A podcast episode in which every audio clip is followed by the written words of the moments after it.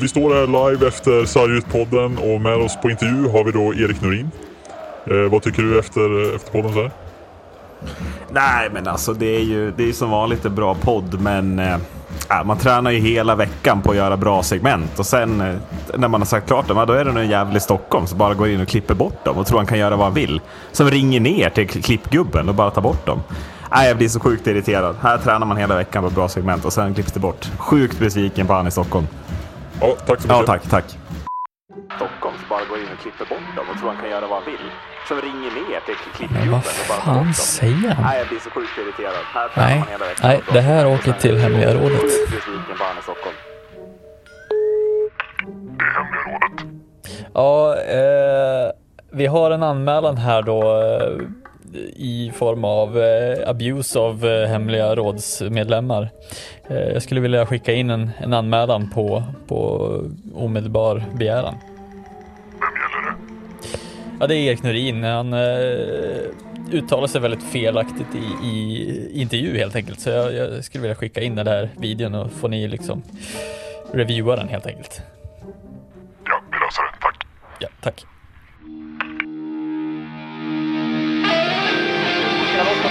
På foten till Grenberg. Grenberg går via sargen bakom huvudet. Sundin får in chansen. Där kommer mål! Mats Sundin gör 1-0 för Sverige!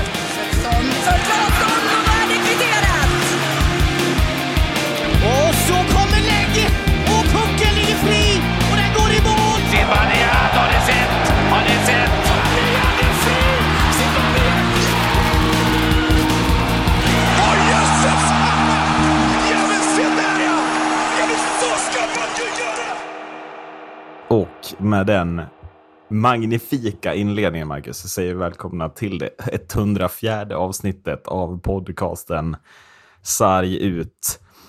Eh, vi kastar oss rakt över det här ämnet. Eh, ja, vad ska vi kalla dem? Hemliga disciplinrådet? Eh, för någonstans, någonstans det som det, vi får kalla det. Eller vad tänkte du? Nej, ska Bara först ta termen liksom, disciplinrådet. Har du sett den innan? Eller kände du också, vad är det här för dark horse som, som kommer in i leken? Ja, jag tror det var någon som hade stavat fel på disciplinrå eller Ja, disciplinnämnden. men sagt fel om Ja, disciplinnämnden, precis. eller hur? Ja, Eh, men det kändes ju som en här hemliga detektivbyrån lite som, Ja, som ja, existerade. onekligen. Eh, så, onekligen. ja. Eh, det börjar liksom med... Allting börjar ju med Isak Pansares intervju. Jag vet inte, har vi liksom rätt att klippa in den? I så fall kan vi klippa in den här, tänker jag. Vilka spelmässiga ingredienser var ni mest nöjda med här? Nej, men just driven mot kasse. Sen ska vi ha en fyra till, men ja, det är inte domarnas fel utan det är de där jävlarna som sitter uppe, uppe i Stockholm eller vars fan de nu är som sitter och ringer ner och sånt där. Här tränar vi varenda jävla dag på att vi ska driva mot kasse så tar man bort ett klockrent hockeymål. Så eh, nej, det är det där att pissa på svensk hockey tycker jag. Så sa Isak Pansare i eh, ja, någon av periodpauserna mellan Östersund och Tingsryd efter att Tingsryd spelar han i, kämpa Erik, eh, fått ett mål bortdömt då. Eh, som Pantar uppenbarligen inte tycker ska vara bortdömt. Han lägger väldigt stort krut vid att det är inte domarna på isen utan att det liksom är situationsrummet ju som får sig en känga av Guds nåde. Ehm, hur farlig tycker du den är till att börja med? Själva kängan. Alltså det, det, själva kängan i sig tycker jag väl inte är så jäkla, alltså man måste ju ha i åtanke att jag menar pansare kommer ju ut med fullt, alltså fullt med känslor efter en hockeymatch och det är väl klart man ska kunna få uttrycka, om man nu ska ta spelare som direkt kommer från en sån situation och sen ställa sig och, och sen svara på frågor kring situationer som de uppenbarligen vill gräva i och då får de väl ett ärligt svar helt enkelt. Eh, Ja. så, så mer än så tycker jag väl inte egentligen att det är. Alltså det är ju, Pansar är ärlig vad han tycker. Eh, och det måste han ändå få vara i den här situationen för att om han tycker att det är fel, ja men då måste han få kunna uttrycka det och det är väl det som vi vill ha. Alltså lite känslor i ishockeyn framförallt. Eh, och jag tycker inte att det är, det är inte så att han hänger ut eh, en person eller han hänger inte ut liksom, han, han kastar inte skit på en enstaka person utan han tycker bara att det är märkligt. Jo, men och också, han använder uttrycket de där jävlarna. Jag vet inte hur allvarligt jag tycker det är. Han står inte och säger, jag menar det finns ju många kraftuttryck som är betydligt grövre. där jag hade kunnat köpa att ja, men det här kanske inte var så jävla bra sagt. Liksom. Alltså använda ordet hora eller liknande. Här känns det ju ändå som att han, han, han tar ju i känslomässigt, men han tar ju inte i så mycket. Alltså han tycker att de pissar på svensk hockey, det måste ju han få tycka utan att åka på någon grov anmälan till något form av hemligt råd, eller vad detta nu är. Ja, eh, det, det är väl det som är lite så här, ja, eh, antingen så, så accepterar vi att ja, spelarna ska få ha lite känslor och skapa lite, alltså ha lite drama, lite rivalitet, lite så här, ja, nu kanske inte rivalitet som det skapar, men det är mer att så här, ja, man ska ju kunna få uttrycka efter en hockeymatch att man är besviken. Ja. Eh, jag menar, det är väl ett av våra mest klassiska hockeyklipp, är väl när Foppa är Ja, besviken det här är väl till och med mitt liksom. under en match, alltså, Ja. tror jag. Alltså, så att, Så att, nej men jag, jag jag tycker att det blir så jäkla fel att vi dels ska ställa de frågorna i intervjun och sen får de inte svara på, på det sättet som de känner, eh, alltså känslomässigt just då. Nej men precis. Det tycker jag är helt, i så fall kan vi bara skippa och ställa de frågorna helt och hållet då. Så kan vi bara fråga, ja, hur, hur gick det att spela hockey då? Och jo, men det det tar ju bort intresse. Alltså, det, det, Ja. men då blir det ju inget, inget liksom, då, då tar man ju bort alla känslor. Mm. Jag menar, menar, de som är journalister på Simon måste ju få göra sitt jobb och ställa den här frågan också. Det är ju klart att de undrar vad Tingsryd tycker om det här bortdömda målet som ju uppenbarligen har blivit.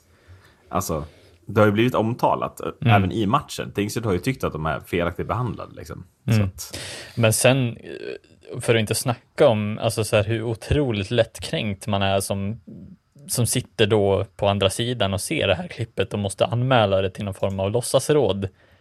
Eh, som, ja, som jag, eller i alla fall till ett råd som ingen vet finns. Det är Nej, ju fortfarande det märkligaste. som jag har förstått det består av exakt samma människor som disciplinnämnden. Ja, Eh, inte eller riktigt. stämmer det? Ja, alltså det, det jag har förstått av det här rådet är att det är alltså det är personal från Svenska ishockeyförbundet som sitter i det här rådet.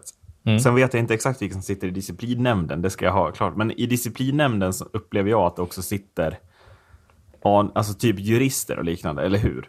Mm. Eller alltså något sånt. Nu är blottar jag en enorm också, men inte riktigt samma. Men jag tycker också att, att bara förklaringen, eller liksom den vaga så här, det sitter personal från Svenska ishockeyförbundet här. Alltså nå, någonstans önskar man ju att så här, i disciplinrådet sitter följande människor och att det finns på en hemsida någonstans ganska lättillgängligt att hitta. Vilka är det som sitter?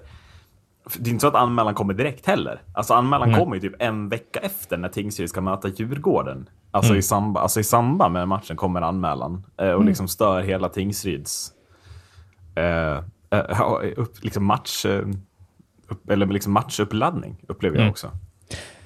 Ja, och det, det där tappar jag det också lite. Ja. Att så här, det känns lite som att så här, aha, har de väntat en hel vecka på att liksom titta på det här klippet eller var det bara, dök det bara upp då på Eller var det någon, som, eller hade varit några som hade sett det, inte blivit kränkta, gått vidare och sen kom det en jävel och bara Nej men nej, nej, nej, det här ska vi fan anmäla alltså liksom.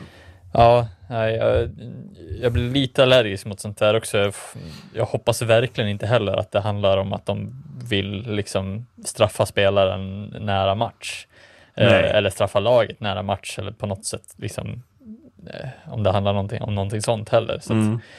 nej, jag tycker att det känns är det här liksom nivån som de kommer reagera på och anmäla till eh, det rådet, ja men då, då måste vi börja se över vad det är för frågor vi ställer i tv överhuvudtaget och om det ens ska vara så att spelarna ska ställa upp i intervjuer. Ja, men, och, det, menar- och det går ju liksom inte att reglera upplever jag. Alltså, hur, hur ska någon kunna reglera vad tv ställer för frågor? De får ställa vilka frågor de vill, men däremot så måste man ju... Alltså det måste ju någonstans finnas en överenskommelse om att liksom, ska, vi, ska sporten marknadsföras, ska sporten bli intressant, ska de här ligorna bli intressanta, så måste man kunna tolerera att någon spelare tycker att man är en jävel i Stockholm och att man pissar på svensk hockey. Mm. Bara för att Isak Pansare tycker det, så det betyder liksom inte att alla andra tycker det heller. Att det blir så här, jaha. jag känner lite liksom, ja, men hur, hur, ja, men just hur kränkt kan man bli över en sån liten grej? Det är ju bara så här, ja, det där var inte så, liksom, man kan ju varna Pansare så här, chilla lite liksom. Mm. Och sen gå vidare. Ja, men också så här, vad är nivån för att chilla lite?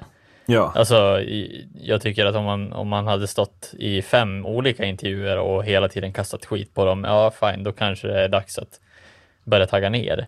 Men nu blir det lite så här att ja, men vägarna rinner över och han är lite frustrerad över efter en match. ja. Alltså att det ska man väl, det är väl naturligt, alla är väl Ja, nej, jag tycker det också. det. Eh, jag, Men, men det stannar ju liksom inte där heller för Tingsryd här. Ehm, såg du Tingsryd-Djurgården, eller Djurgården-Tingsryd? Tingsryd åker alltså till Hovet och vinner efter det här dessutom. mm, Eh, de vinner ju efter förlängning. Djurgården kvitterar väldigt sent i den tredje perioden på ett powerplay. Eh, som ju tillkommer på en av de kanske sämst, alltså det, de mest ofattbara utvisningar som tagits eh, ja, på hur många år som helst i svensk hockey. väl. Alltså det är ju helt ofattbart hur han kan få utvisning, Elias Gunnarsson. Eh, och Marcus Leifby, eh, om ni undrar vad han tycker om, om, om den här situationen så kan ni gå in och läsa hans Twitter för ungefär en vecka sedan. Mycket underhållande, tycker jag. Eh, där alltså Leifby går fullständigt bananas och tycker att alla domare i världen suger, typ. Eh, men du har sett situationen, alltså vad kände du där då när det hände? Att så här, ja, det här är svaret eller? nej men alltså situationen i sig är väl, det kommer väl en petning varav petningen inte träffar överhuvudtaget. Den är ju alltså inte ens i närheten av att träffa skridskorna och han, han tappar skäret och ramlar. Alltså det är ju en uppenbar. Ja. det är, en uppenbar felskärssituation. Eh, och det var väl någon sån för något år sedan också, kommer jag ihåg, eh, liknande som skedde också. Jag tror det var Björklöven mot Ja. något lag. Eh, men det var också, det är så här riktigt så här, ja fan, det blev fel liksom. Det, det är Mm. sån, en sån situation. Men att det på riktigt är liksom fyra domare som står från olika vinklar och inte... Att tycker ingen alla. kan stoppa han från att bli utvisad? Nej, men Mm. precis. Ja, det... Ehm, ja, eh, efter då den här matchen så, så vinner ju, eller Tingsryd vinner ju förlängning. Det är ju starkt att vända tillbaks och ta den segern. Mm. Eh, och Fredrik Glader, som är tränare i Tingsryd. ehm, ja, vad, vad, vad säger han? Han säger ju, efter matchen säger han ju saker, men ehm, eh, han- Alltså efter matchen så hävdade han ju då själv att han i ren glädje skriker ut så jävla skönt och på vägen mot omklädningsrummet så kollar han på domarna. Han säger ingenting, han gör ingenting. Eh, och Fredrik Glader är ju då, så blir ju då efter det be- beteendet avstängd han också, på tal om lättkränkthet. Eh, jag vet inte hur mycket man ska tro på Glader här. Alltså det, är ju, det går ju liksom, jag har inte hört någon annan sida av storyn, att, han, alltså att någon säger något annat, men om det här också är fallet, att det här stämmer så som han säger, att eh, han går ut, eller han blir avstängd på grund av att han kollar på domarna. Eh, Så vi, ja, jag vet inte vad jag ska säga. Tingsryd förlorar sedan två raka matcher mot Almtuna, även med Glader i båset på lördagen. Eh, och är ju bara två poäng eh, ifrån från negativ skal. Och det ser ju ut att bli Tingsryd och Östersund som gör upp om den där sista kvalplatsen neråt. Eh, och de här eh, liksom, händelserna för Tingsryd nu med haveri, eller dels haveriet uppe i Östersund, eh, då den här, hela den här grejen mot Djurgården, Gladers avstängning. Det här börjar ju riskera för Tingsryd att det kan bli de som åker ner på grund av de här grejerna. Och det är ju då, alltså det är ett sånt ekonomiskt tapp som man liksom utsätter Tingsryd för. Att jag vet inte riktigt vad jag tycker är, alltså hur man ska kunna gå vidare från det här och känna att så här man någon gång kommer kunna lita på disciplinråd, disciplinnämnd, domare. Alltså jag vet inte, men det, det, här, det här håller på. Jag hoppas Tingsryd bara klarar, klarar av det så att det inte blir avgörande detta. Helt enkelt. Mm. Ja, nej precis. Och, och det är samma sak som jag också känner det här med, jag vet inte det här med Glader, alltså jag har ju inte, jag, jag hörde, jag läste om det också. Eh, jag har inte sett situationen alls. Det finns väl inga kameravinklar på den situationen heller, antar jag. Men eh, jag vet inte riktigt vad man ska säga om det alls. Och jag vet inte, jag har inte sett något uttalande från domarna heller. Nej, Men jag såg, jag såg det Glader skrev eller sa. Eh, Ja. men, men, men det blir lite så här, ja, men ingenting från andra hållet Nej. vad jag har sett. Eh, givetvis kanske finns, men eh, så tar väl utifrån det att det känns ju också så här, ja, vad är det då som är otalt under matchen? Har han gjort någonting annat som då påverkar? Då är, det, då är vi tillbaks till det här med, eller tillbaks vi, vi, på det här med känslomässigt påverkad av liksom andra situationer. Eh, jag vet inte riktigt.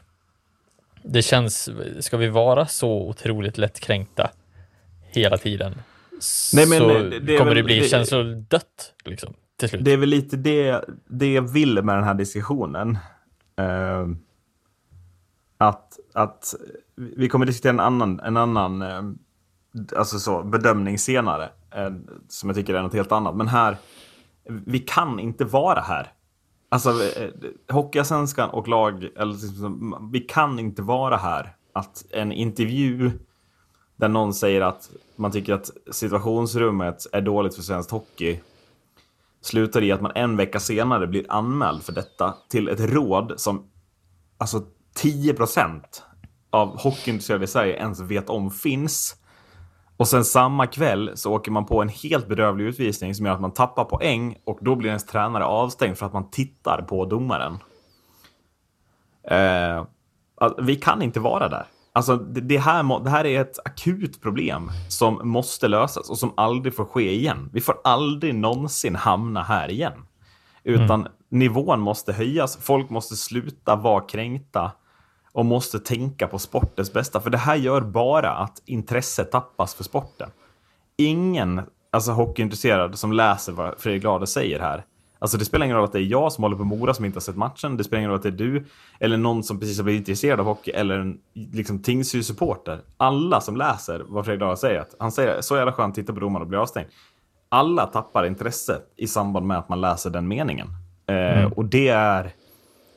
Så, så- alltså, så, ja, jag, är- jag är orolig för liksom, Hockeysvenskan som liga också, att det tappar ett attraktionsvärde om det är här vi hamnar för sådana här grejer. För då urholkar man, eller urvattnar man ju det bara, upplever jag.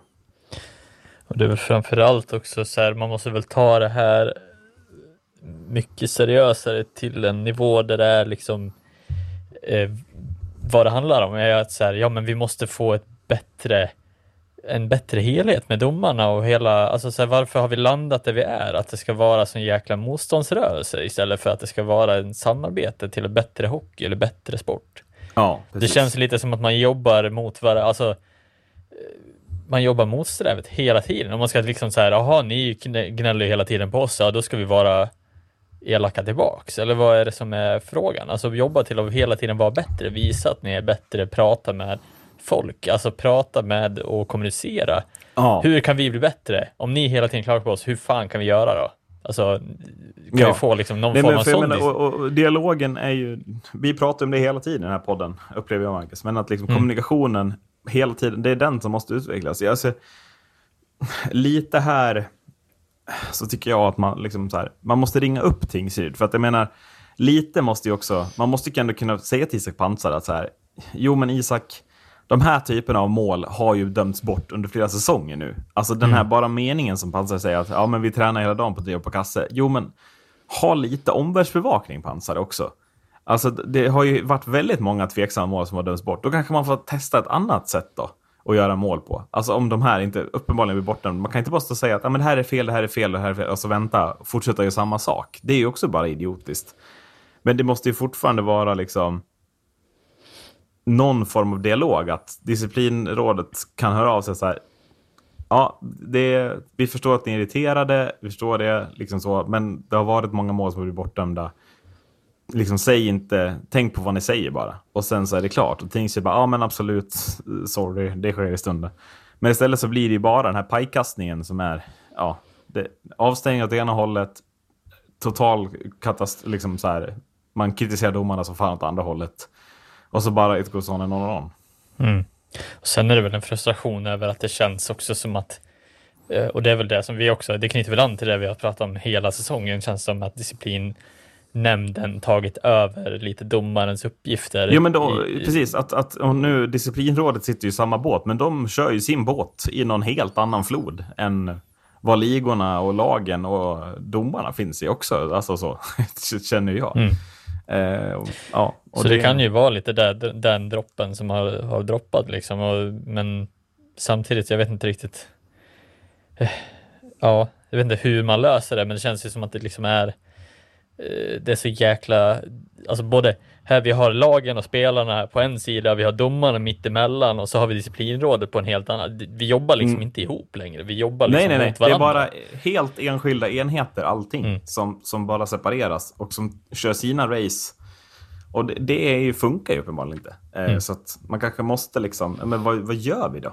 För att liksom, det, det skulle jag som liksom hockeyälskare och ändå liksom in, intresserad vilja veta lite öppnare. Vad gör man mot de här problemen? För, att, Mm. för mig upplevs det bara som att ja, här har det kommit ett disciplinråd Mm.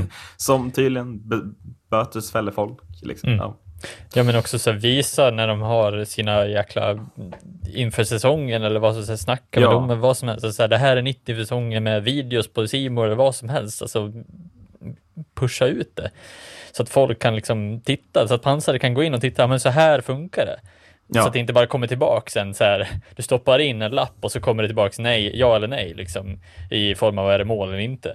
Nej, Eh, men är precis. Och på samma sätt så skulle man vilja ha hela, liksom så, här, så kunna höra tillbaks på diskussionen hur disciplinrådet kommer fram till att ja, men nu, en vecka senare, ska vi anmäla pansare. Det Mm. måste ju bli transparens i det. Jag, jag tycker de borde funka mer och mer som statliga myndigheter i det här hela. Att Så här, ja, men så här pratade vi och så här har det kom, vi kom fram till beslutet. Men det ser man ju ingenstans. Alltså där... Mm, jag vet Mm. inte. Jag eh, tänker att innan vi kommer tillbaks till bedömningsspåret och eh, domarspåret eh, så börjar vi med att prata om Brynäs, Marcus. Ehm, Mm. som ligger under kvalstrecket. HV är Mm. förbi. Mm. Eh, och jag, ja, jag, jag måste säga, jag är så sjukt förvånad men, eh, och imponerad av HV. Men alltså hur något lag kan tillåta HV att, att vara med i racet om att inte kvala. Eh, ja. Wow. Ja, jag, jag tror alltså det är väl många som är förvånade och chockade över att det faktiskt var. Det, det kändes ju som att det skulle mycket till eh, innan HV började få till någonting och samtidigt skulle något lag tappa så pass rejält som Brynäs har gjort nu. Ja, eh, uppenbarligen var det möjligt. Eh, och jag gillar väl alltid att vara, eh, försöka hålla det öppet. Man vet ju aldrig. Det känns ju alltid som att det är något lag som alltid lyckas med den omöjliga bedriften i Ja, jag, Form av jag, att- gå på... Alltså jag måste säga, jag är helt mållös att jag tittar på den här tabellen och ser HV ligga ovanför strecket faktiskt. Mm. Efter, ja, eh, efter vad de har, hur de har spelat. Ehm, Jag eh, har en liten intressant grej kring det där. Mm. Eh, jag tror väl att det handlar lite om eh, alltså hur, hur, hur Brynäs mår eh, som lag och så vidare. Eh, Ja. givetvis. Eh, det är ju förmodligen inte så hur jättebra. mår de? Hur mår Brynäs? Eh, ganska dåligt skulle jag säga. Ganska. Eh, du väljer ändå det ordet. Nej, men eh, också det här med, eh, vi kommer väl halka in på det också, men Oskarshamn-matchen senast också som är 7-1 eller vad det blev. 1-7. 1-7. Eh, de har väl värvat en ny målis. Eh, de Ja, och de har inte värvat vilken målis som helst. De har ju Nej. värvat Olkinora, eller vad han heter, som väl stod i VM och OS när Mikko Manner var eh, assisterande coach för Finlands landslag. Mm. Eh, ska vi tro att det lite är av Manners gubbe kanske? Eh, Ja. liksom. Eh, samtidigt som man också har Väviläinen fortfarande kvar. Nej, det har man Eh, inte. Nej, det har man inte. Jag skojar bara. Klipp man bort det. har Anders Lindbäck kvar. Mm. Eh, Väviläinen fick ju gå, eller gick ju själv för att han inte fick så mycket speltid som man tänkte bakom Anders Lindbäck. Eh, och då tog man väl in Tommy Karhunen, va? Just det, precis. Eh, det, det är viktiga han kvar? var... Ingen vet. Det viktiga var inte, var inte det, utan det viktiga var att Lindbäck, eh, som är den stora frågan här, har ju på något sätt hamnat mitt emellan eh, en situation där de har värvat en ny målis, när de kanske efter jul kanske inte riktigt behöver en ny målis. Nej, ehm, och ska vi vara helt ärliga, är det på målvaktssidan det här problemet sitter? Eh, jag vet inte. Jag tycker Nej. Mikko Manner, alltså han har kommit, han, hur länge har han varit i Brynäs nu? Två säsonger? Eller tre säsonger? Eh, ja, Oklart. Eh, men tre, jag. under den här tiden så har han ju inte på något sätt lyckats stabilisera Brynäs försvarsspel. Eh, utan man är väl det laget som har släppt in mest mål av alla. Ja. Överlägset flest insläppta mål i ligan. Återigen. Liksom. Och det, har man, det är ju det som har varit det stora problemet. Mål framåt har man ju gjort genom alla dessa liksom, år. Men det är ju bakåt som det läcker och läcker och läcker och läcker.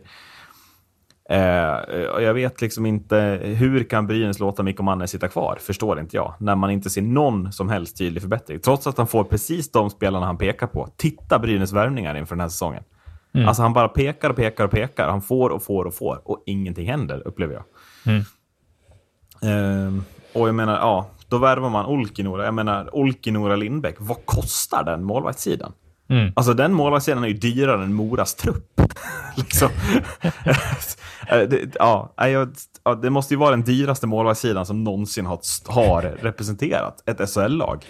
Ja, Eh, liksom. eh, så att, ja nej, det, det, eh, det, det känns ju, men eh, ja, det är klart att det finns ju många olika aspekter i, i, i det där bygget som, som jag tycker har, har fallerat och det känns som att man inte fått ut det man vill av, av spelare.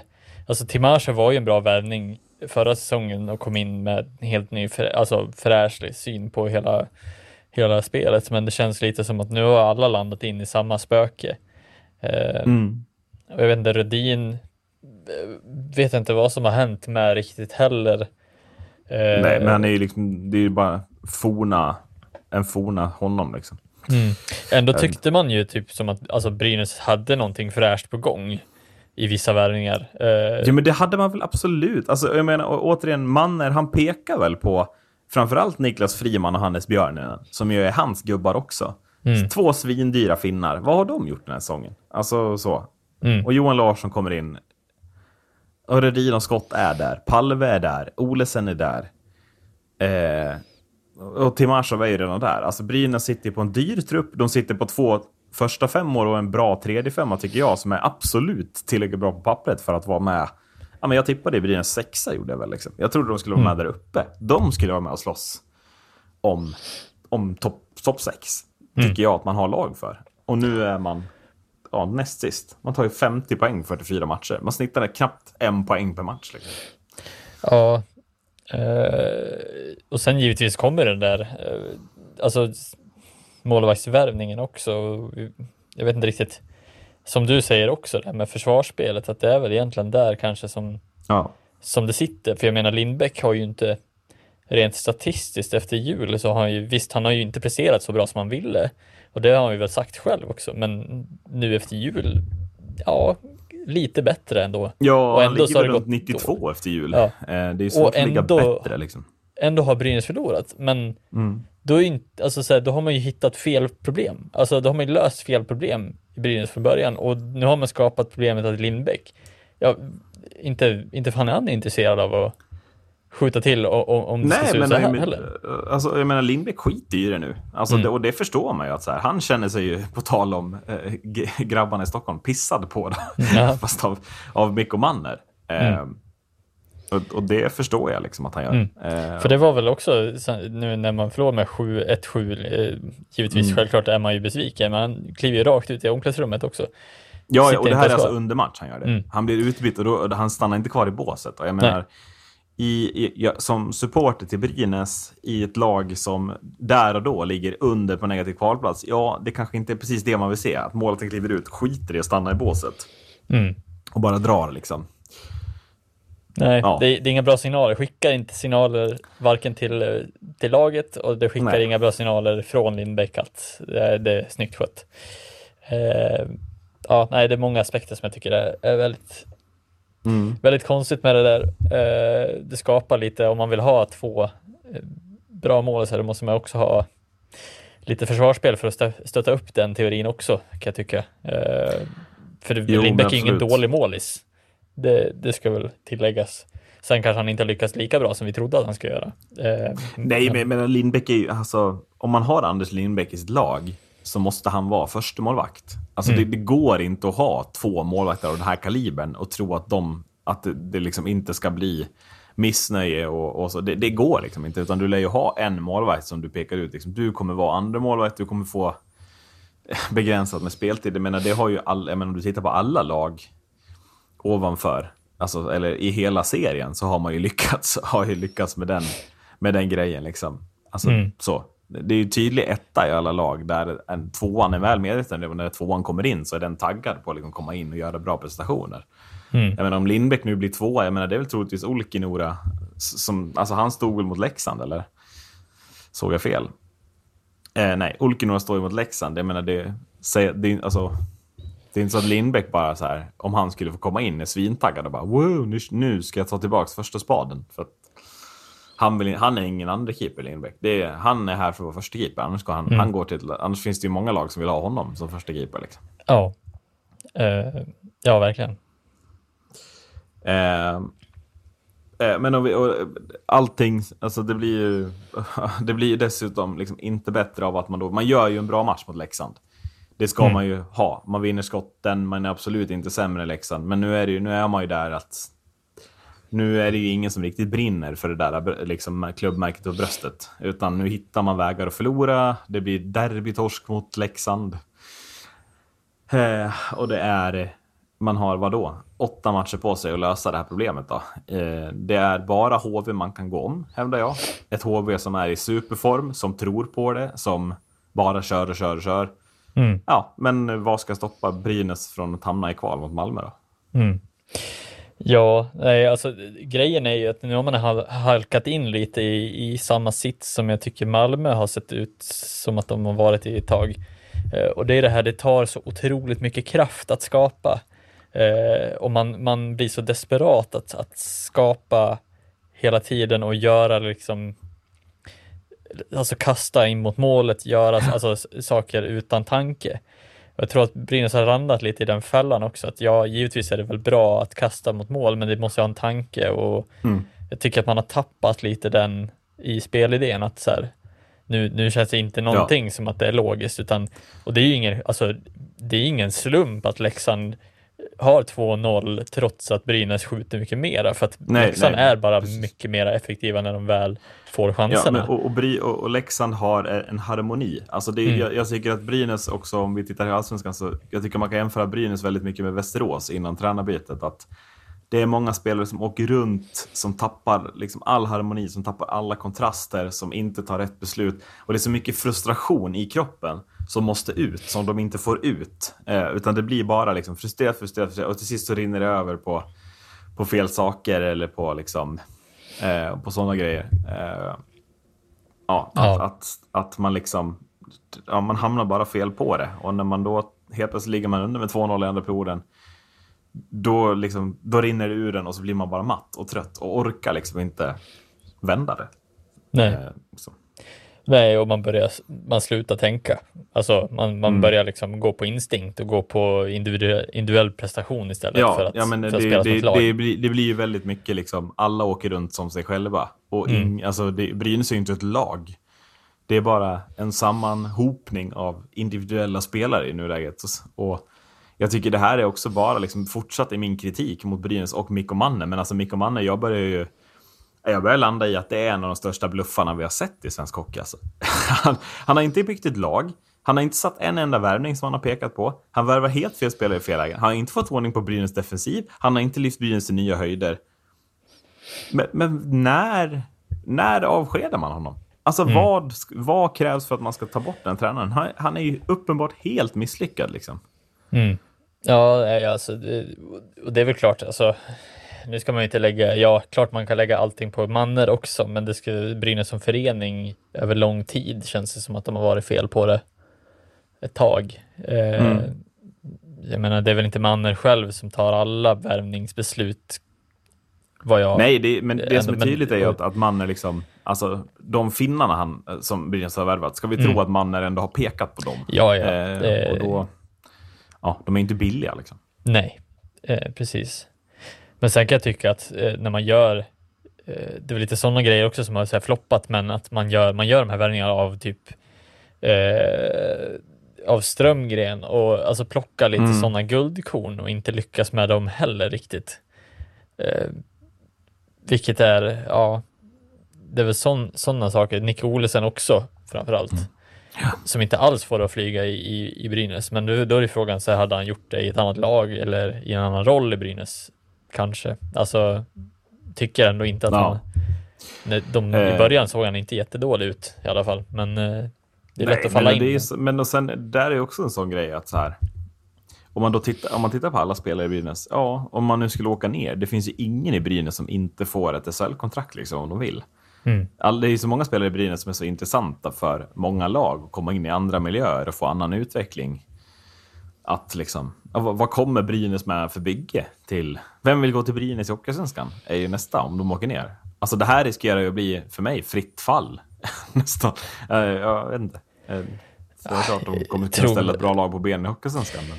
Ja, jag tror också att de, de har nog kapital till att ställa ett bra hockeylag där också. Men eh, ja, det, man ska ju vara orolig. Jag menar en, en spelare som, jag vet inte, hur länge håller eh, Rudin kvar i Brynäs? Nej, men också? jag menar, kommer Rudin ner i Hockeyallsvenskan? Det tror jag inte en sekund på. Alltså Nej. det kommer jag syna deluxe i den här podden i så fall.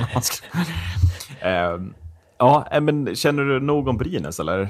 Ska vi Ja. konstatera att det är eh, nya favoriter på att åka ur? Är det Brynäs? Eller är Ma- är Malmö fortfarande favorit? Ja, än är det inte slut. Det, Nej, det ska jag vara öppen med att säga. HV Säg ligger fortfarande två poäng bort. Eh, vi, vi stannar kvar vid Leksand-Brynäs. Eh, för på tal om eh, harmoni, det är något som Leksand har. Jag är dock inte helt säker på att Mikael Rohoma har det i sig i Leksand just nu. För vad var det för brinn som vi såg i slutet av den här matchen? Eh, som ju nästan bjuder tillbaks Brynäs i matchen dessutom. Mm. Eh, har du någonsin sett dess like liksom? Ja, nej, inte på en hakning. Eh, det är klart. Men Nej. eh, ja, nej, alltså, absolut, det måste ju vara någonting bakomliggande som, som legat och grott och som har eh, Kan vi diskutera det först? Alltså så här, hur, hur mår Mikael Rohoma i Leksand? Alltså är han, är han också frustrerad? Känner han att han inte får ut det han vill? Trivs inte han? Tror du att det är något sånt som ligger bakom? Eller hade han bara en jävligt dålig dag? Liksom? Eller, Jag vet inte, det har väl varit lite olika turer där kring. Eh, ja, han vart ju avstängd där, eller avskickad av någon träning av Mm. Hellkvist och liknande. Tror vi att Rohoma har varit skadad länge nu? Mm, Tro, tror vi att där har det liksom skurit sig lite mellan han och Hellkvist? Att han känner att han bara vill bort, eller? Ja, det kan, alltså det, det är ju klart att det, det går ju alltid att spekulera i vad, eh, vad som är mellan de två. De kanske är helt fine med det, men det kanske är en sån sak som att Roma känner liksom konkurrens, han får inte ut det han vill, han kanske känner att han inte alls eh, får lika mycket speltid som han Nej. kanske vill ha, som vi har snackat om tidigare också. Jag menar, det är Tidig många- powerplay och sånt där också. Eh, ja, precis. Jag menar, det är många duktiga hockeyspelare i Leksand just nu och framförallt när Sellarek, Rivik och eh, lirar där och jag menar, det blir ju någonstans blir det ju en krock i att ja, vilka spelare ska ha mest istid? Mm. Eh, när det, vad är uttalat vilka som ska ha mest istid också från början? Vad har man sagt? Men Oroma känner nog, tror jag, att han kanske har gjort bra prestationer, men ändå liksom blir av med tid. Är det Mm. det som kan ligga bakom kanske? Jag vet inte. Ja, det kan ju givetvis vara, men jag tror också det är frustration att eh, framförallt när han väl, nu är ju det här liksom långt in, långt gånget på säsongen, men eh, samtidigt, jag menar, han har ju inte levererat så bra som han gjort, alltså har gjort tidigare och jag vet inte om det är på grund av att han är påverkad rent liksom utanför eller vad, vad det nu Mm. kan vara. Men eh, ja, och det där säger väl också, talar väl sitt tydliga språk att när en hakning blir till att man slutar spela och skrika så som man gör, ja, då är man ju på något sätt påverkad antingen av domarnas tidigare eh, saker eller att han bara är frustrerad för att han inte får någonting att funka eller får Mm. någonting med sig. Ehm, ja, det, det är väl det vi kan säga om det i alla fall. Eller Ja, jag kan säga om det. Ehm, ja utvisningen då? Eh, Vad, vad känner Jag- du kring den situationen? Det slutar med ett matchstraff där. Vi har redan hunnit med att diskutera den här en gång. Det har idag, Eh, ska väl tilläggas. Nej, men jag, jag står väl på, jag tror att vi står lite på olika eh, sidor, för jag tycker ändå att så här, Det ja, vi. det är klart att Roma orimligt arg åker fram mot domaren och skriker och kör som fan, eh, ställer sig, avslutar spelet helt enkelt och ställer sig och Ja. skriker. Eh, det jag kan tycka är väl att ja, det är klart att det är fel och det är klart att det ska liksom, det ska ju mynna ut i lite senare än vad det gör, tycker jag, Mm. att det blir en utvisning.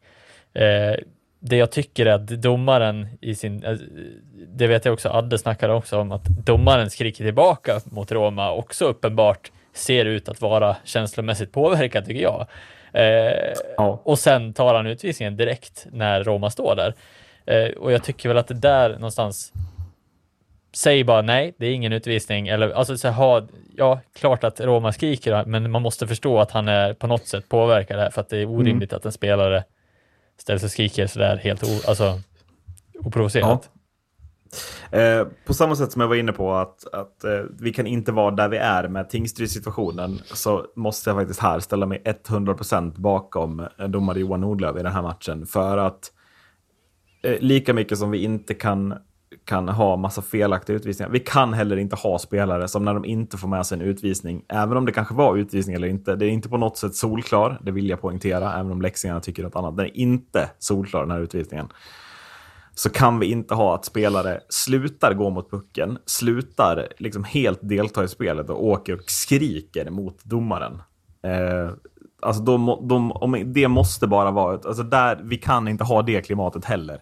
Det, det går bara inte. Utan då måste man få åka ut, även om Nordlöf väljer att skrika tillbaks. Men jag, jag antar att Nordlöf bara skriker tillbaks att snälla lugna dig, jag tar ett beslut, alltså ge dig, annars åker du ut. Och sen är det ju bara, ja, det är ju kört från början, för då har man ju bestämt sig för att brinna av fullständigt liksom. Ja, nej, alltså jag, jag tycker fortfarande att det ska vara lite mer kyla. Givetvis ska det generera en utvisning sen så småningom om, om Roma fortsätter, men jag tycker att han ska ha lite mer kyla i den här situationen. Bara okej Roma, ja, nej, det är ingen utvisning. Alltså så här, eller jag Nej. säger det hö- Alltså jag högre. hade köpt det om Rohoma hade åkt fram och liksom försökt prata med honom. Men när han bara åker fram och skriker, nej då får han faktiskt, alltså det är för dåligt av Roma. Det är för låg nivå. Då får han, bara, då får han skylla sig själv. Då, då är det bara att åka ut liksom. Känner jag. Jag känner att då behöver inte domaren ha kyla om en spelare kommer på det sättet. Och jag tycker, jag tycker skillnad också, jag tycker allting handlar om att han bara stannar upp och även om han hade jagat puck och sen börjat skrika till domaren på vägen tillbaks mot båset. Men bara att han, bara att han rör sig mot domaren liksom slutar med att han så skriker honom i ansiktet liksom. Känner jag är... Ja, sen precis. slutar det med, ja, det blir en tia för att han slår klubban i sargen på vägen bort och sen kastar han klubban, han åker ut och då blir det matchstraff. Det kan man väl diskutera hur, hur mycket, men, men initiala tvåan, ja. Nej, den får han bara ta alltså. Jag är ledsen. Ja, nej, alltså, ja, och det är klart, jag, jag kommer ju förmodligen att eh, bara inte hålla med på den. Nej. Eh, men eh, det, jag tycker att, ja precis det som vi snackade om, det som är efter också, det blir ju lite pajigt på något vis, tycker jag. Men Nej, men där, där kan jag hålla med dig. Att när, när Roma slår klubban i sargen, då är han ju tydligt på väg bort från domaren mot utvisningsbåset. Där tycker jag att han kan ha mer kyla och så här. Ja, men han får slå en gång liksom. Mm. Slår han igen så får han tia, men annars kan han liksom bara slå och så kan han sätta sig. Där tycker jag också att han kan vara kyligare. Det, det tycker jag verkligen. Sen att han kastar klubban, det blir ju bara liksom en upp... Alltså, är inte det lite töntigt av Roma också? När han är på väg ut, att han ka- kastar klubban. Ja, det? Alltså men förlåt, det men är det lite- ärketöntigt? Nej, men det blir ju lite, och det, det är därför jag funderar på också, så vad, är det som, vad är det som gör det här? Vad är det som skapar det här, den här frustrationen från Ja. att vara upphakad eh, till att fullständigt eh, tappa det? Ja, Klart. Jag menar, jag menar han, tar, alltså, han tar det här brinnet. Det är inte med eh, liksom, 20 sekunder kvar och två, två målsledning. Det är typ tre och en halv minut kvar av den här matchen. Alltså, Mm. Brynäs får in det här målet som de gör. Det är mer än en minut kvar. Alltså Roma håller ju på att äventyra hela derbyfest, alltså segerfesten här. Genom Ja. den här, ja. Det känns ju som det märkligaste kan jag tycka. Eh, Mm. Att bara... Ja, för oavsett, alltså, för det ska vi vara tydliga med också, att utvisningen, alltså, två, alltså hakningen är ju solklar. Alltså det är klart att det ska Jag vara tycker två inte det. minuter. Jag tycker, du inte det är en solklar hakning. Nej, jag, ty- alltså, jag köper att det är utvisning. Men det här med att den är helt solklar. Nej, det är inte uppe på handskarna. Alltså det kommer upp på handskarna i slutet av situationen. Men jag tycker han är på rätt sida. Jag vet inte vilken backen är. Ganska länge med den där liksom puckvinsten. Mm. Det, det tycker jag verkligen. Ja, eh, i alla fall, jag tycker att den är solklar. eh, men eh, det, det som jag tycker också är att säga, ja, Roma kan vara hur arg han vill, men som professionell ishockeyspelare, oavsett vad situationen gäller, så tycker jag att han ska kunna tona ner sig själv och bara ställa frågan till domaren efteråt. Jag förstår inte riktigt varför han är så arg som han Nej, är. men framförallt i ett derby som man leder med tre och en halv minut kvar så Mm. får man väl liksom skrika rakt ner i båset då, eller någonting. Alltså det blir Mm. lite det att här. Ja, det, det är det jag känner är det absolut konstigaste som får mig att bli verkligen så. Hur mår Rohama i Leksand verkligen? Eh, att, att han är så. Mm. Att han bara skit, han skiter fullständigt i laget här känns som på ett konstigt sätt. Ja, precis. Jag menar, det är klart, det är ju samma som jag snackade om med Frycklund här för, Mm. för Ja, något tag sedan. det känns här- verkligen som samma sak. Alltså här. Mm. Eh, att säga ja, det är klart man ska stå upp och kanske försvara sin lagkamrat Mm. eller säga ifrån, men man behöver inte slå ihjäl den andra gubben för det. Nej. Eh, man behöver inte skrika ihjäl Johan Nordlund Nej, heller. alltså, och den. man behöver liksom inte tappa det fullständigt bara för en hakning. Och det är det som jag tycker är, är, är balansgången mellan de där två. Att så här, ja, Roma skulle inte ha reagerat så starkt. Domaren kanske skulle ha fattat att Roma är emotionellt instabil. Ja. Se vad det här mynnar ut i typ först. Ja, Nej, men det är lite det där eh, som jag, ja, Ja. konstig situation generellt. Jag blev väldigt chockad när jag såg den Ja, första början. Alltså, vilket, så här, vilket brinn. Alltså, eh, det- hjärnan brinner ju av. Alltså helt här. Det, det, jag, så- det jag såg ju- liksom bara, ah, han alltså, kastar vad klubban i pågår. hörnet. Ja. ja, precis. Eh, vi ska hinna med lite silly i slutet av avsnittet, tänker jag. Men vi måste väl eh, nämna Oskarshamn efter den här veckan.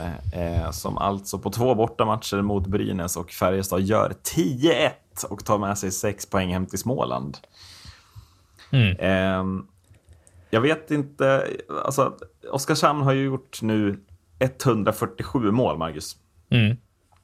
Om vi tar eh, de fem spelarna, vad heter det? Inte en kvartett, en kvintett måste det bli då. Mm.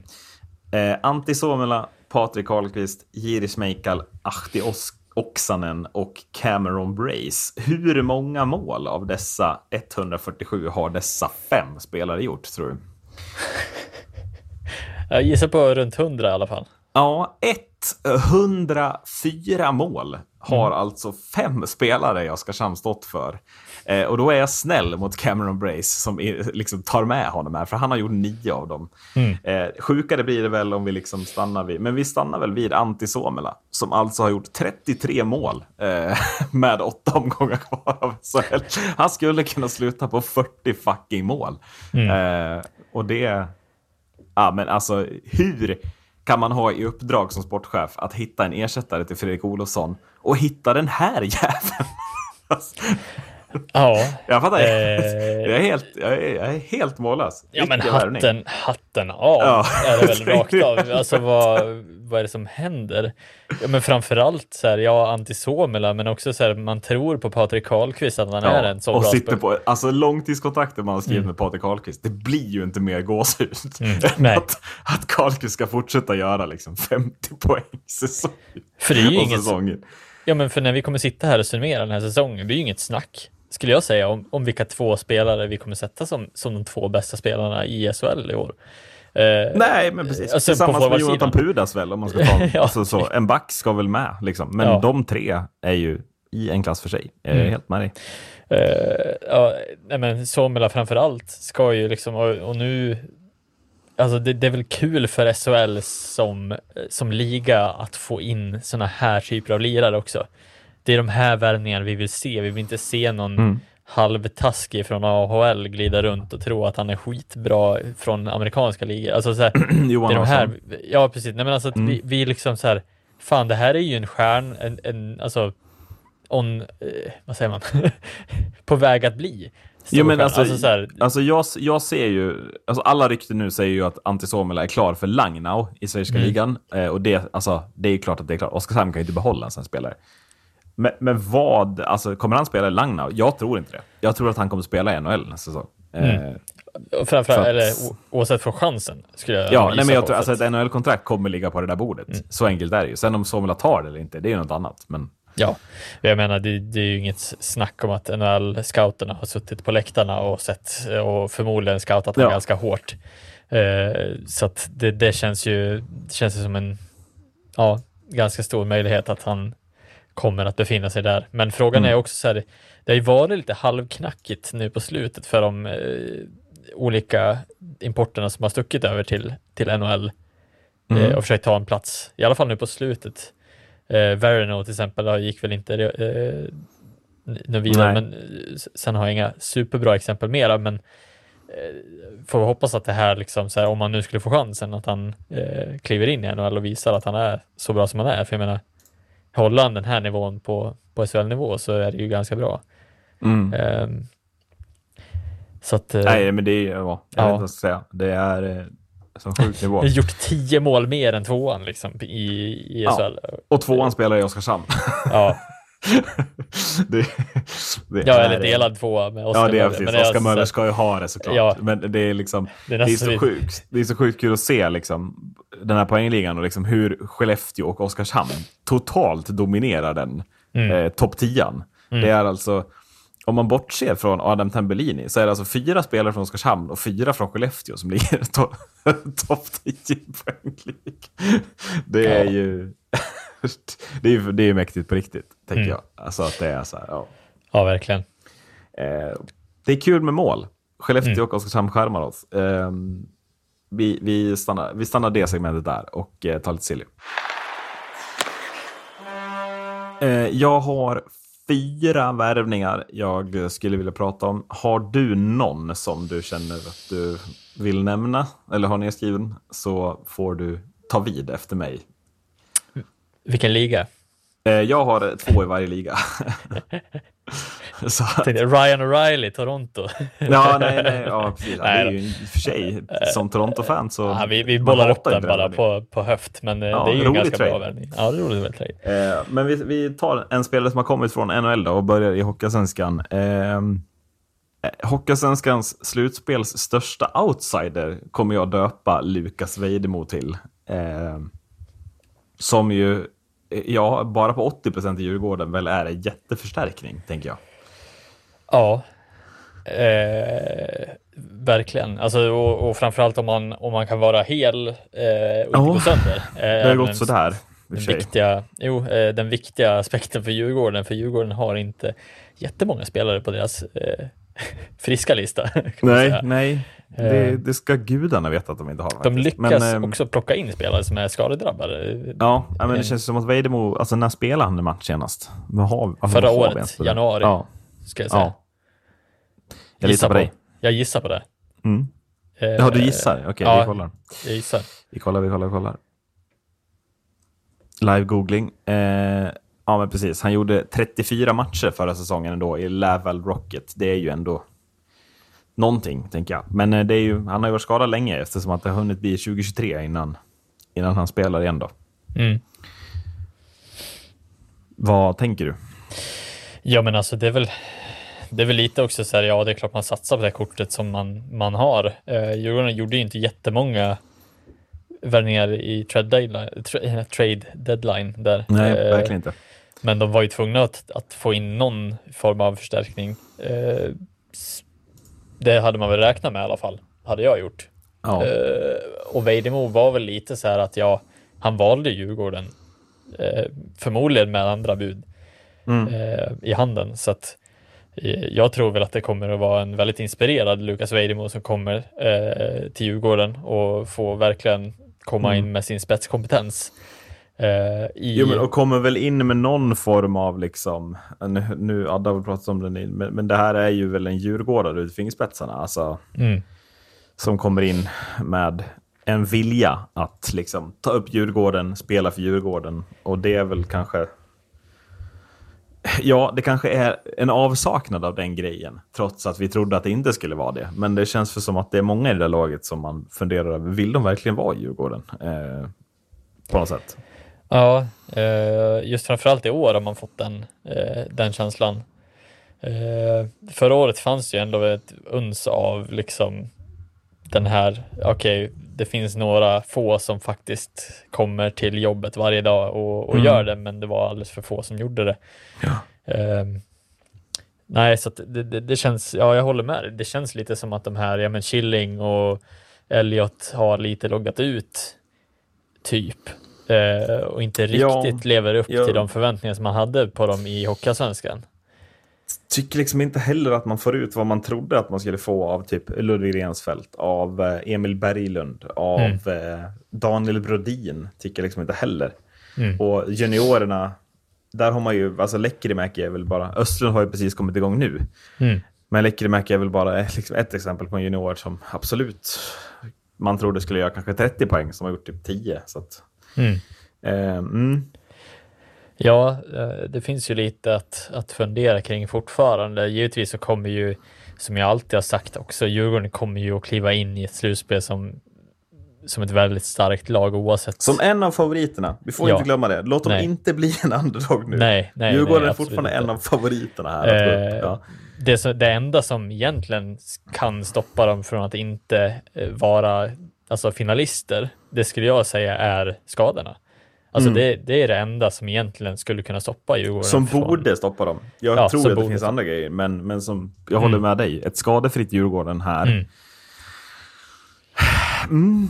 Ja, Mm. det, det Men är bra. Vejdemo, Med Vejdemo in, ja. Dessutom. Ja, eh, nej men för, om vi kommer tillbaka till Vejdemo också. Eh, det Mm. som oroar mig är väl lite det här att så här, ja, man gör ju den värvningen och det är ju en väldigt bra på pappret värvning. Eh, men lite den här oron är att han är ju inte redo nu att spela och vad jag förstår är inte redo än på ett tag heller. Nej, när är han redo är ju någonstans kärnfrågan. Alltså, ska han komma Mm. in mitt i slutspelet känns ju märkligt. Eller är det här en jättelångsiktig värvning man gör? Jag fattar inte riktigt det.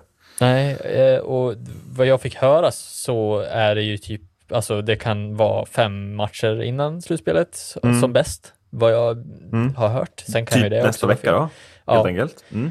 Eh, och det är väl, alltså, ja, får man fem matcher innan slutspelet, ja givetvis Det ska ju det kan vara positivt. Ja, Ja. kan. Eh, men det blir om det börjar halka över till att det börjar med slutspelet och allting sånt där och då ska man in med en ny person, man ska få in spelaren i laget, det kan Mm. man alltid liksom mix and max, eller ma- matcha, mixa med, Mix and match, ja. mix Mm. and match med, med olika formationer och det vet vi Djurgården har gjort eh, ganska frispråkigt den här säsongen. Ja, han kanske Eh. blir back Vejdemo, det vet man inte. Ja, eller Backparet målis. Lukas, Veid, Lu- back- backparet Lukas Vejdemo och Niklas Danielsson känns ju inte allt för långt borta. Liksom. Nej, Galaida spelar första center sen. Ja, men precis. Bredvid slutspelet. Ja. Ja, nej, men eh, det var Lukas Vejdemo. Eh, vi stannar kvar i Hockeysvenskan. Eh, jag kommer nu kasta ut vad jag tror är värvningen som till slut kommer vara tungan på vågen. Vilket lag som går upp den här säsongen. Jag tror att Björklöven avgör med att ta in Jens Löke. Till, ja, till vårt förtret. Men om det här inte är Lövens år, när är det då Lövens år? Då kan det ju aldrig bli Lövens år. Nej. Ja, Djurgården känns- mycket sämre än förväntat. Modo totalt liksom. Det går troll, tyvärr. Och mitt Mora, mm, jag vet inte riktigt om vi har bredd nog för att utmana över sju matcher mot Björklöven. Men Mm. eh, som jag ser det så är det drömläge för Björklöven nu att gå om Modo innan serien tar slut, bli etta, få hemmaplansfördel i alla matcher, enkelt motstånd i kvartsfinal, enklaste möjliga semifinal. Eh, och sen har man den bästa tänkbara förstärkningen av samtliga lag i dessutom. Det fanns inget lag som gjorde en bättre värvning än Mm. Björklöven. Och Jens Löke går in och gör 1 plus 2 direkt i 3-2 seger mot Djurgården dessutom. Eh, så att han är, ju, han är ju på plats, han gör det han ska, eh, han avgör matcher.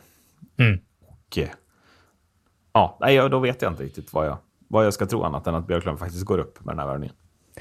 Ja, nej, eh, och jag håller väl med eh, fullt ut. Jag menar, man har sina värvningar som man har satt tidigt,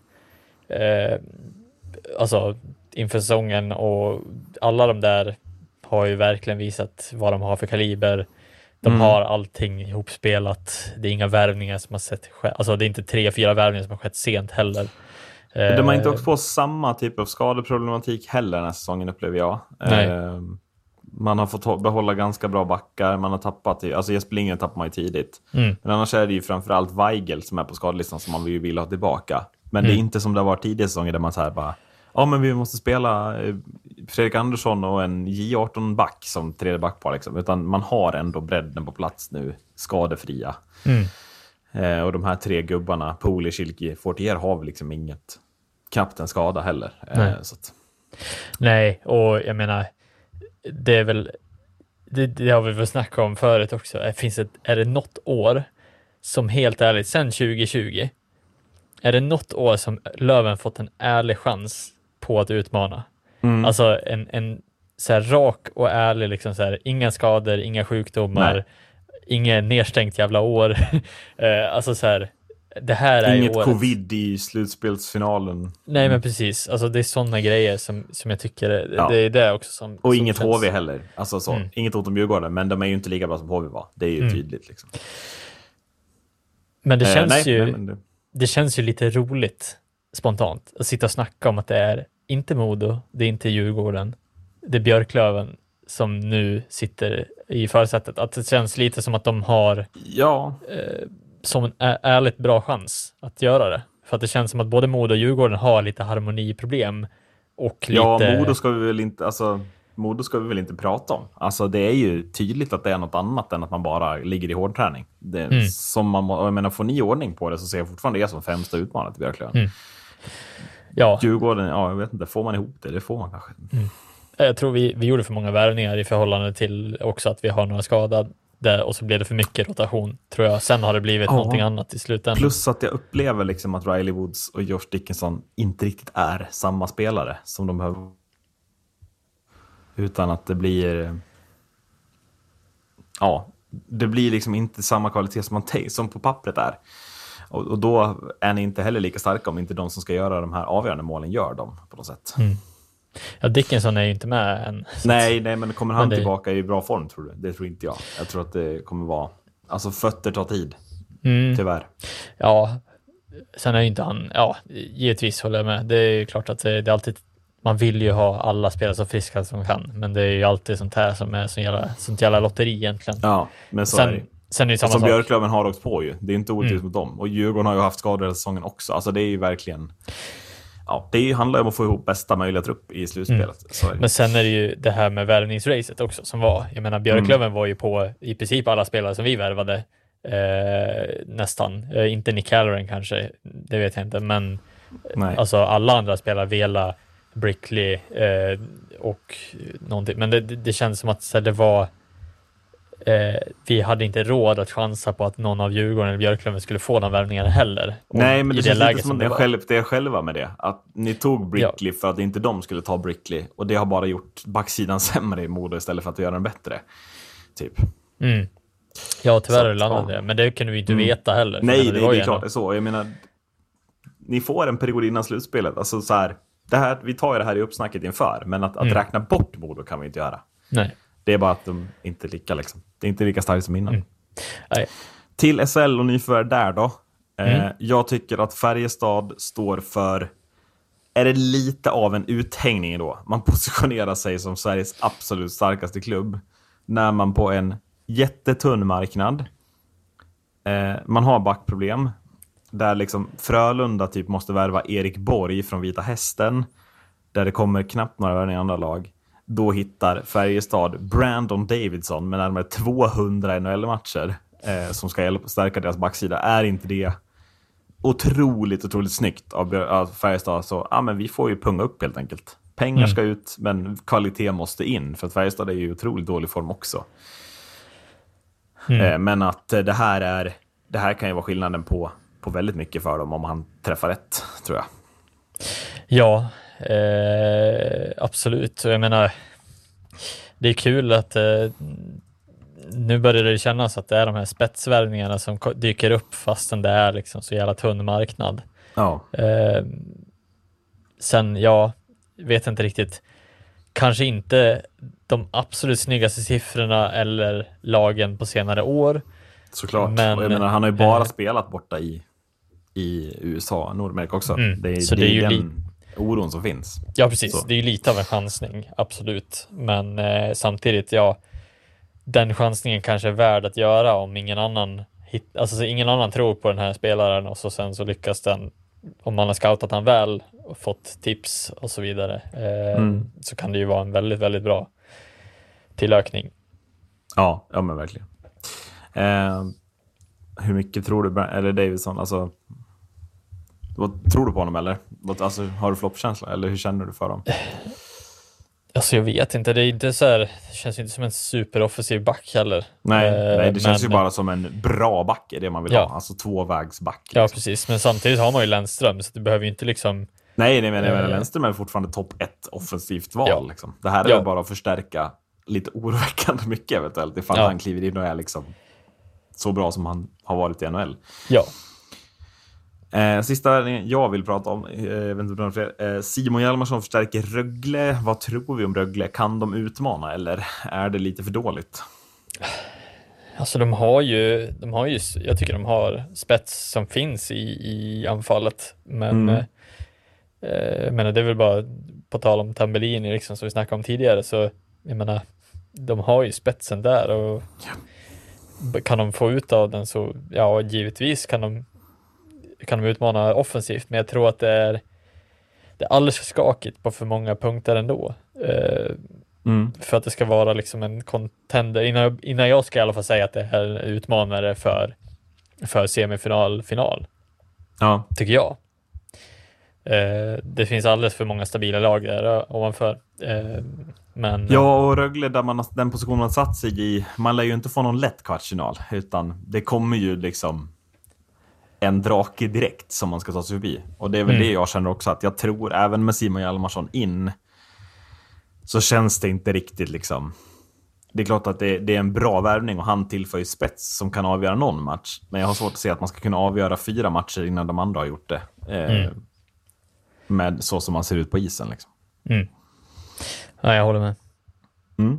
Men då tänker jag, vad, då stänger vi väl Sarg-ut-butiken för den här veckan helt enkelt. Ja, Nej, det, Eh, vad borde Brynäs göra lite mer i slutet? de borde spela lite mer sarg ut. De borde spela lite mer sarg ut. Tack för att ni har lyssnat. Hej då! Hej då.